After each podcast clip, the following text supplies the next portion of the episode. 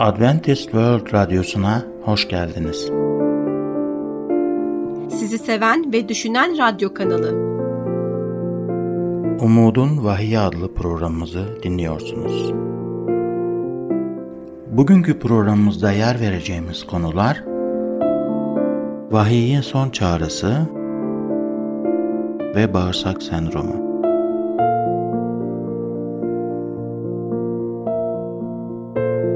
Değerli dinleyicilerimiz, programımıza hoş geldiniz. Bugünkü konumuz Vahiyin son çağrısı. Vahiy kitabı büyük mücadelede iki dini sistemi tanımlamaktadır. İki ibadet şeklini açıklıyor. Konumuzla ilgili aklınıza takılan her türlü soruyu cevaplamaktan mutluluk duyacağımız için lütfen WhatsApp numaramız olan artı 357 90 786 706 üzerinden bize yazın. Vahiy kitabı bizlere ortada kalmamamız için iki seçenek olduğunu açık ve net olarak bize bildiriyor. Dünya tarihinin bu son günlerinde insanlara güçlü bir çağrı yapmaktadır. Bu bağlılık için acil bir çağrıdır. Bu çağrı vahiydeki iki kadın sembolü ile özetlenebilir. Beyazlar içindeki kadın Vahiy 12'de anlatılmıştır. Vahiy kitabı boyunca anlatılmakta olan saf kadın İsa'nın gelini ve asıl kiliseyi sembolize ediyor. Yeremya peygamber 6. bölüm 2. ayette kendi kitabında şöyle diyor. Siyon kızını, o güzel narin kızı yok edeceğim. Siyon kızı Tanrı'nın halkını tanımlayan bir terimdir. Burada Tanrı kendi halkını güzel ve narin bir kadına benzetiyor. Değil mi? Efesler 5. bölümde ise İsa'ya sadık bir kocaya ve kilisinin de onun gelinine benzetir. Vahiy kitabının 12. bölümünde ise beyaz giyinmiş bir kadının göze çarpan bir sembolü bulunur. Buradaki kadın sembolü gerçek sevgiye sahip olan İsa'ya sadıktır. Sahte bir doktrin öğretmez ve bu konuda suçlanamaz. Bu kadın sembolü Mesih'in gelini veya diğer bir deyişle onun yeryüzündeki kilisesi olarak tanımlanır. Vahiy 17'de ise başka bir kadın ortaya çıkar. Bu kadın kızıl renkli bir canavara binmektedir. Kutsal kitap bu kadının hayat kadını olduğunu söyler. Bu kadın İsa Mesih'i terk etmiştir. Bu hayat kadını sembolü aslında mürtet yani asıl dinden dönmüş bir din sistemi kastetmektedir.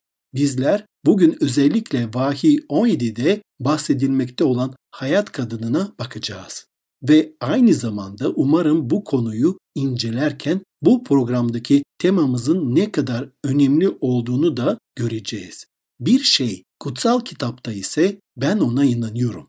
Ama kutsal kitap ile uyuşmuyorsa bana göre değildir. Tüm dünya bir takım masalları ve insan dogmalarını takip ediyor olsa bile bizler sadece Tanrı'nın sözüne güvenmeliyiz.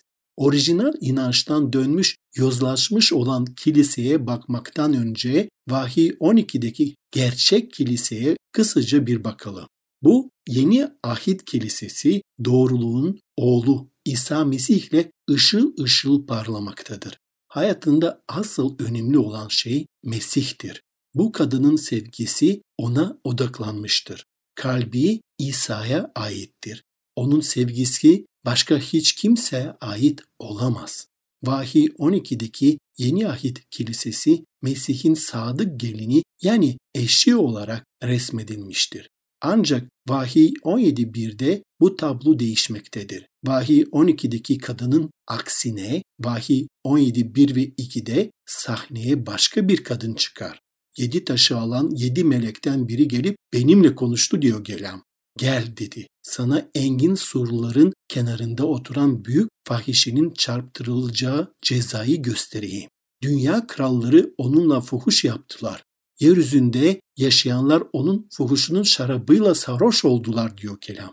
Hayat kadını asıl sevgisini terk eden kadındır. Gerçek kilisenin değil, Tanrı'ya ihanet eden kilisenin bir resmi. Bu kilise kocası İsa Mesih'ten uzaklaşmıştır. Kutsal kitap engin suların kenarında oturan büyük fahişe der. Şimdi Vahiy 17-15'te ayetini hatırlayın. Şu gördüğün sular fahişenin kenarında oturduğu sular halklar, toplumlar, uluslar ve dillerdir dedi. Öyleyse düşmüş kilise sistemi yani hayat kadının sembolü kocasını terk etmiş bir kilisedir. Birçok insana hakimdir ve birçok insanı kandırmıştır. Kutsal kitap dünya kralları onunla fuhuş yaptılar diye devam eder. Fuhuş gayri meşru bir birliktelik demektir. Yozlaşmış kilise sisteminde kilise devletle birleşmiştir. Asıl kilise sisteminde ise kilise İsa Mesih'le birdir. Yozlaşmış kilise iktidar için krallara ve dünyanın siyasi liderlerine gözlerini çevirmiştir. Kilise kocası Mesih'i terk ettiğinde gücü seküler bir kaynaktan almak zorundaydı. Dünya krallarından veya devlet yetkililerinden güç alabilmek istiyordu. Kutsal kitap şöyle der. Yeryüzünde yaşayanlar onun fuhuşun şarabıyla sarhoş oldular. Yozlaşmış kilise sembolik olarak mor ve kırmızı giyinmiş kadın kırmızı renkli bir canavarın üzerinde oturuyor. Yozlaşmış kilise gücünün devletten almaktadır ama aynı zamanda yalanlarını desteklemek için kendisi devleti de etkisi altına alıyor. Bu hayat kadını şarap kadehinde aslında sahte öğretilerini taşımaktadır. Dünya ise hatalar ile sarhoş olmaktadır. Milyonlarca insan Babil şarabından içmekte ve aldatılmaktadırlar. Kutsal kitap bunu şu şekilde açıklıyor. Vahiy 17 3. ayet. Bundan sonra melek beni ruhun yönetiminde çöle götürdü. Orada yedi başlı on boynuzlu üzeri küfür niteliğinde adlarla kaplı kırmızı bir canavarın üstüne oturmuş bir kadın gördüm. Vahiy 17'nin hayat kadını orijinalinden sapmış sahte bir dini sistemi temsil ediyor.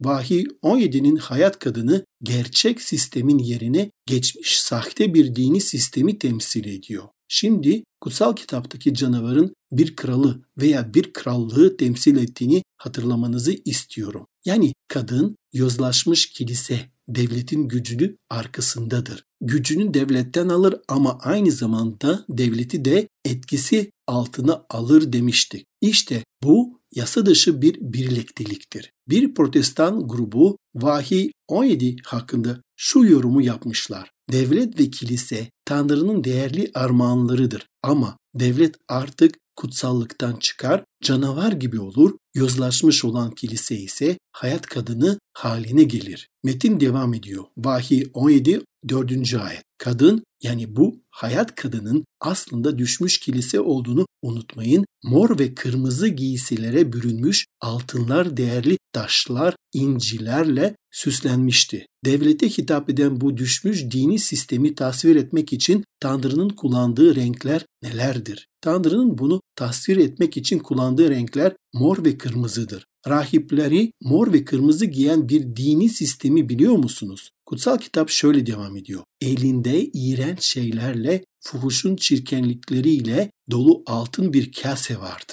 Yani bir başka deyişle renkleri mor ve kırmızı olan bu düşmüş ve yozlaşmış dini sistemin elinde bir şarap kadehi vardır ve dünya ve tüm dünya bu kadehten içerek yani bu sahte doktrinlerle zihinleri bulanır. Hayat kadının elindeki altın şarap kadehi sahte öğretilerin sarhoşluğunu temsil ediyor. Peki hayat kadının alnında yazan şey neydi? Vahiy 17 5. ayette bize şöyle diyor. Alnına şu gizemli ad yazılmıştı. Büyük Babil, dünya fahişelerin ve iğrençliklerin anası. Bu hayat kadını yozlaşmış kiliselerin annesidir. Yozlaşmış kiliseler ondan çıktılar ama ondan kalan bazı sahte doktrinlerini korumaya da devam ettiler. Çok açıktır ki kutsal kitapta Tanrı bu büyük ana kilisinin parçası olan insanlara seslenmektedir. Tanrı o ana kilisinin kızlarının biri olan insanlara yani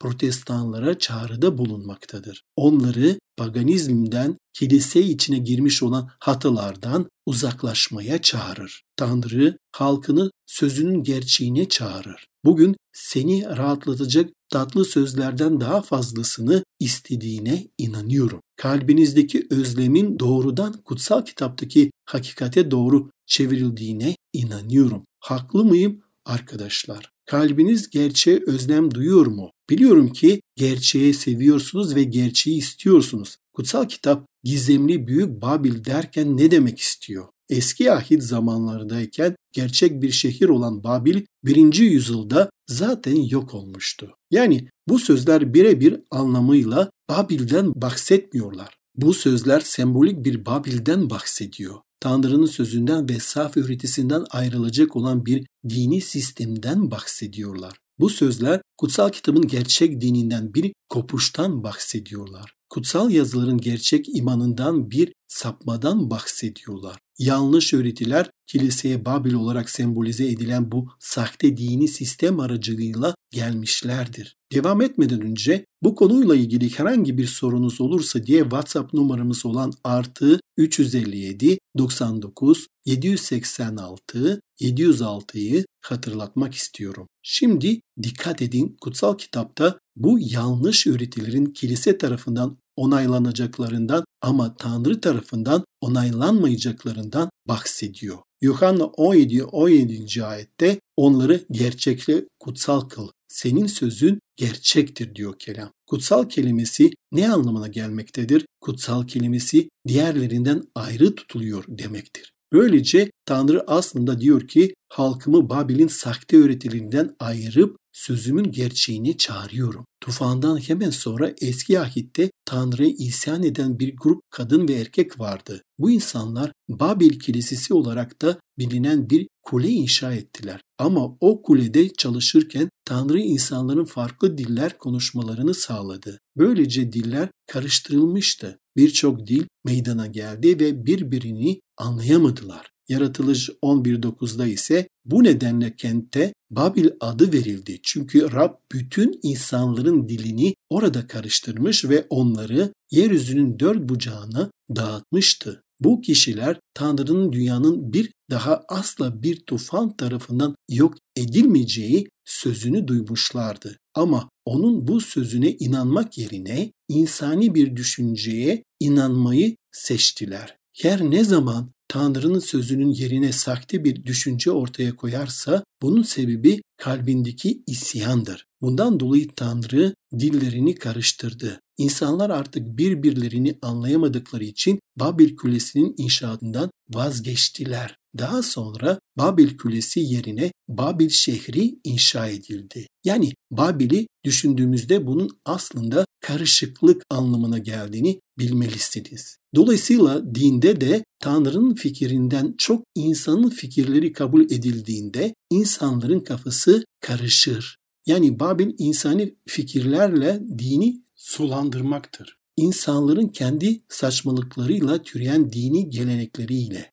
ve kilise kafası karışık bir şekilde yeni bir şeyler üretip bütünlüğünü bozarsa gücünü kaybeder. Ama başka bir kilise daha vardır. O kilise sadece Tanrı'nın gerçeğini vaaz ediyor. Onlar sadece Tanrı'nın kutsal kitabını vaaz ediyor.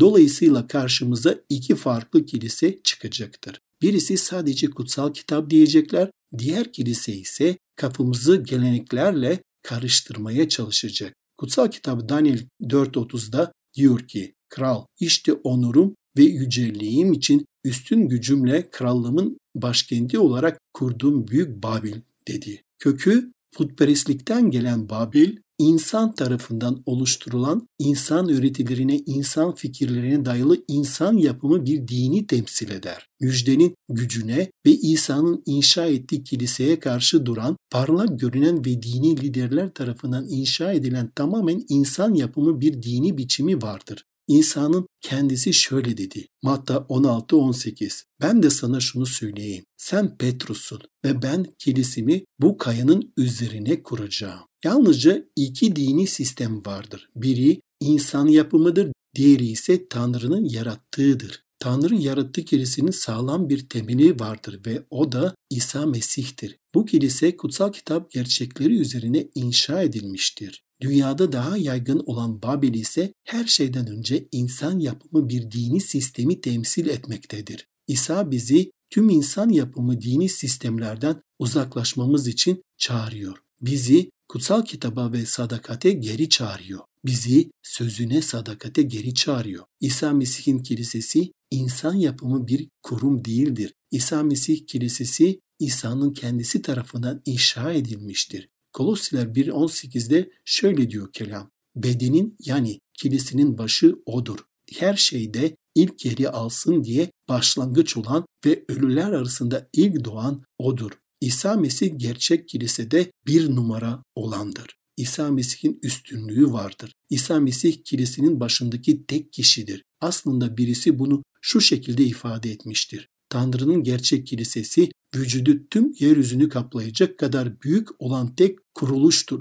Ancak başı cennettedir. Kilisinin başı İsa Mesih'tir ve kilisin başı yeryüzünde değil cennettedir. Peki ya gizemli büyük Babil onun başı nerede bulunmaktadır? Kırmızı renkli canavara binen bu kadına ne olacak? Ya dünyavi Babil, eski ahitteki dünyavi Babil'in dünyavi bir başı vardır. Babil krallarının sözü kanunun yerine geçerdi. Babil krallarının sözü kanun yerine geçerdi. Kral Nebukadnesar tapınağında kraliyet tahtına oturduğunda tanrı gibi konuşuyordu. Onun emirleri sözde bir tanrının sesiydi. Son günlerde tanrı olarak konuştuğunu iddia eden biri daha olacaktır. Manevi bir lidere sahip olacak ve sembolik olarak Babil'i temsil eden bir kilise, devlet sistemi ortaya çıkacak sözünün Tanrı'nın sözü olduğunu ilan edilecek biri olacak. Tahtında oturmuş konuşacak. Sembolik Babil'in lideri Tanrı'nın otoritesine ve gücüne sahip olduğunu iddia edecek. Sembolik Babil'in ilk belirgin özelliği Tanrı adına ve Tanrı'nın yerine konuşan dünyasal bir başa sahip olmasıdır. Ancak bu sembolik Babil olan dini sistemi hakkında ikinci bir şey var. Ama bu önemli bilgiyi bir dahaki seferde öğreneceğiz. Bu yüzden bizi dinlemeye devam edin. Bugünkü bölümle ilgili herhangi bir sorunuz varsa ya da kutsal kitabın sunduğu gerçeği takip etmek istiyorsanız veya özel bir duaya ihtiyaç duyuyorsanız lütfen hiç çekinmeyin ve hemen bize WhatsApp numaramız olan artı 357 99 786 706'dan veya e-mail adresimiz olan radyo.umuttv.org adresinden ulaşın. Sizi bekliyoruz. Bugünkü konumuzun sonuna geldik. Şimdi sağlıkla ilgili konumuzla programımıza devam edeceğiz. Bizi dinlemeye devam edin. Görüşmek üzere.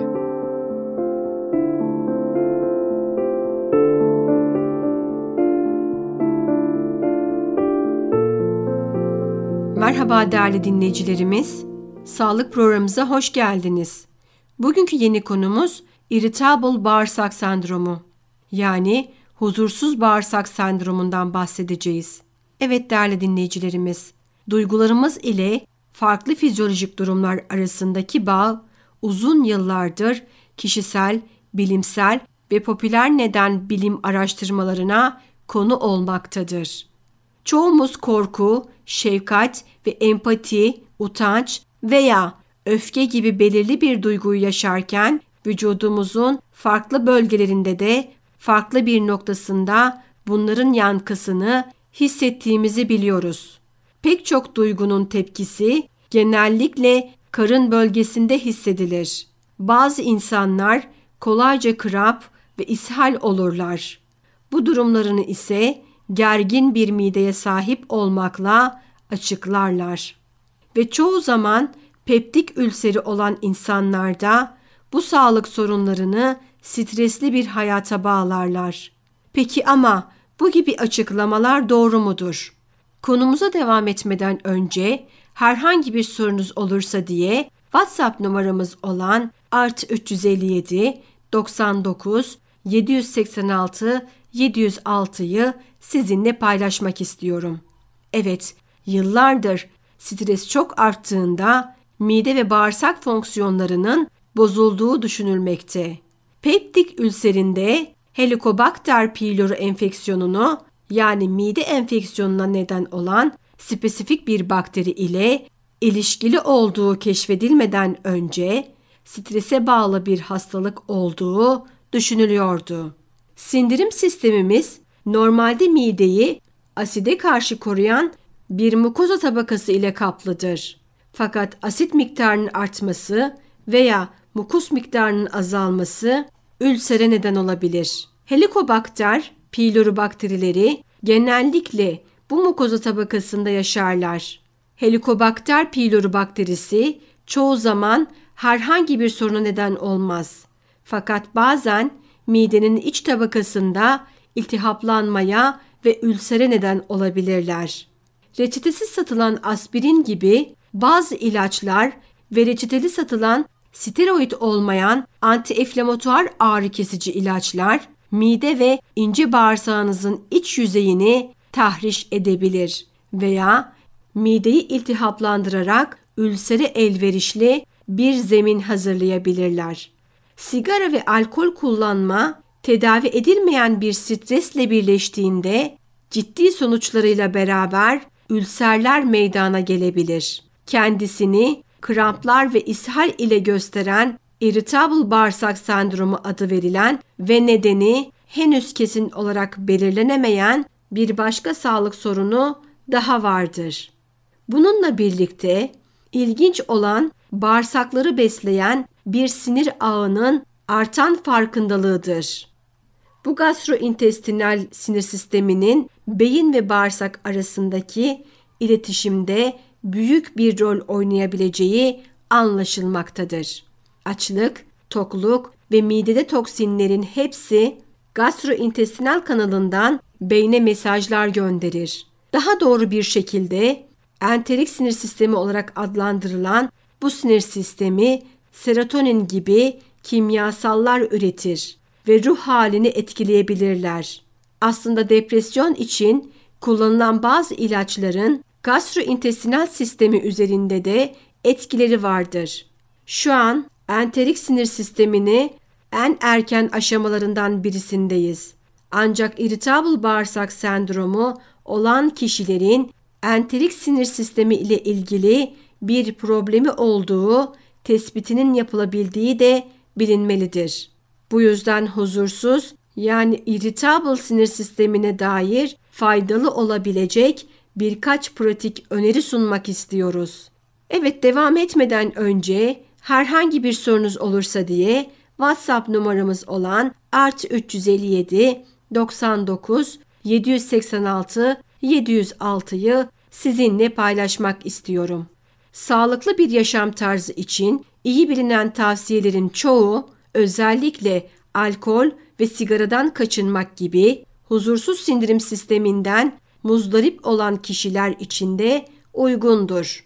Alkol ve sigaradan kaçınmak gibi tavsiyeler birçok kişiye tuhaf gelebilir. Çünkü onlara sorulacak olursa içmelerinin nedeninin teselli bulmak ve endişe verici düşünceleri ve kötü duyguları geride bırakmak için kullandıklarını söyleyeceklerdir. Aynı şekilde sigara içenler de sigara içmenin onları başka hiçbir şeyin yapamadığı kadar sakinleştirdiğini söyleyeceklerdir. Alkolde veya tütün dumanında bize zorlukların üstesinden gelmemiz için iç huzuru, rahatlık veya güç verebilecek hiçbir şey olmadığını anlamamız gereklidir. Alkol ve sigarayı bize iç huzuru sağlıyorlarmış gibi düşünmek aslında alkol ve sigaranın varlığımızda yarattıkları rahatsızlığı maskeleyen öğrenilmiş düşüncelerdir. Alkol ve tütün dumanındaki nikotin son derece bağımlılık yapıcıdır ve bireyde sahte bir ihtiyaç meydana getirir. Bu meydana getirilen sahte ihtiyaç doldurulduğunda ise yarattığımız sahte ihtiyacın tatmin edilmesi hissi bize sakinlik, bir tatmin duygusu verir. Fakat aslında bir içkiden veya sigaradan sonra zorluklarla başa çıkmaya eskisinden daha çok hazır hale gelmeyiz. Aslında daha az hazır durumdayız. Tüm bunlara ek olarak vücudumuza birçok toksik, bileşik ve tahriş edici madde sokmuş oluruz ve bu tamamen yapay, sahte huzur kaynaklarına bağımlılığımızı artırırız. Bu nedenle alkol kullanmaktan ve sigara içmekten tamamen kaçınmaya çabalayın. İlk yoksunluk, tepkilerinin zor sürecini atlattıktan sonra özgür olmanın, temiz hava solumanın ve berrak bir zihinle düşünmenin sevincini yaşayacağınızdan emin olabilirsiniz. Ayrıca çok acı olan yiyecekleri yavaş yavaş hayatınızdan çıkartmaya ve bunların yerine deneme yanılma yoluyla en iyi hazmettiğiniz diğer yiyecekleri tercih etmeye başlamanızı da öneririz. Stresin sindirim sistemini tam olarak nasıl etkilediği henüz net olmasa bile stresten kaçınmak için faydalı stres kontrol modelleri oluşturmak yine de faydalıdır. İş yerinizde ya da evinizde hazır olduğunuzdan ve de yapabileceğinizden daha fazla görevi kabul etmeyin. Başınıza gelebileceğini düşündüğünüz zorluklara hazırlanmak için zaman ayırın ve başınıza geldiklerinde hemen paniğe kapılmayın. Memnuniyetle dolu bir ruh geliştirin. Hayatınızdaki küçük şeylerin tadını çıkartın. Rekabetten çok işbirliğinin ve karşılıklı ilişkilerin tadını çıkartın. Egzersiz yapmak, doğada olmak ve dinlenmek için zaman ayırın. Düşüncelerinizi güzel, uyumlu ve huzurlu olana odaklamayı bir alışkanlık haline getirin. İş olarak yapmak zorunda olmadığınız ve severek yaptığınız şeylere zaman ayırın. Yeşaya peygamber Tanrı'ya güvenmeyi öğrenenlerin sığınmaya davet edildikleri sembolik bir kaleden söz eder. Yeşaya 26. bölüm 3 ve 4. ayette şöyle der. Sana güvendiği için düşüncelerinden sarsılmaz olanı tam bir esenlik içinde korursun. Rabbe sonsuza dek güvenin.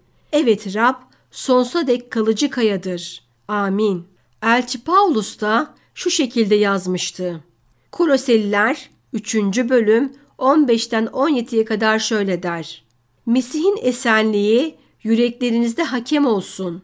Tek bir bedenin üyeleri olarak bu esenliğe çağrıldınız. Şükredici olun. Mesih'in sözü bütün zenginliğiyle içinizde yaşasın.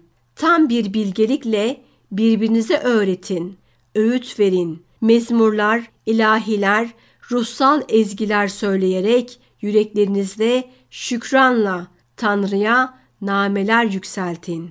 Söylediğiniz, yaptığınız her şeyi Rab İsa'nın adıyla, onun aracılığıyla Baba Tanrı'ya şükrederek yapın. Amin. Evet, unutmayın ki burada bahsedilen uygulamaların hayata uygulanması hayatınızda huzursuz bir mideyi rahatlatmaktan çok daha da fazlasını gerçekleştireceklerdir. Değerli dinleyicilerimiz, bugünkü konumuzla ya da genel olarak sağlıkla ilgili herhangi bir sorunuz varsa lütfen hiç çekinmeyin ve WhatsApp numaramız olan artı 357 99 786 706 üzerinden ya da e-mail adresimiz olan radyo.umuttv.org adresinden bizlere ulaşın. Sizleri heyecanla bekliyor olacağız. Bizi dinlediğiniz için teşekkür ederiz. Bir sonraki programda görüşmek üzere. Gelecek programımızda yer vereceğimiz konular Vahiyin son çağrısı ve baş dönmesi. Bugünkü programımızın sonuna geldik. Bir dahaki programda görüşmek üzere. Hoşçakalın.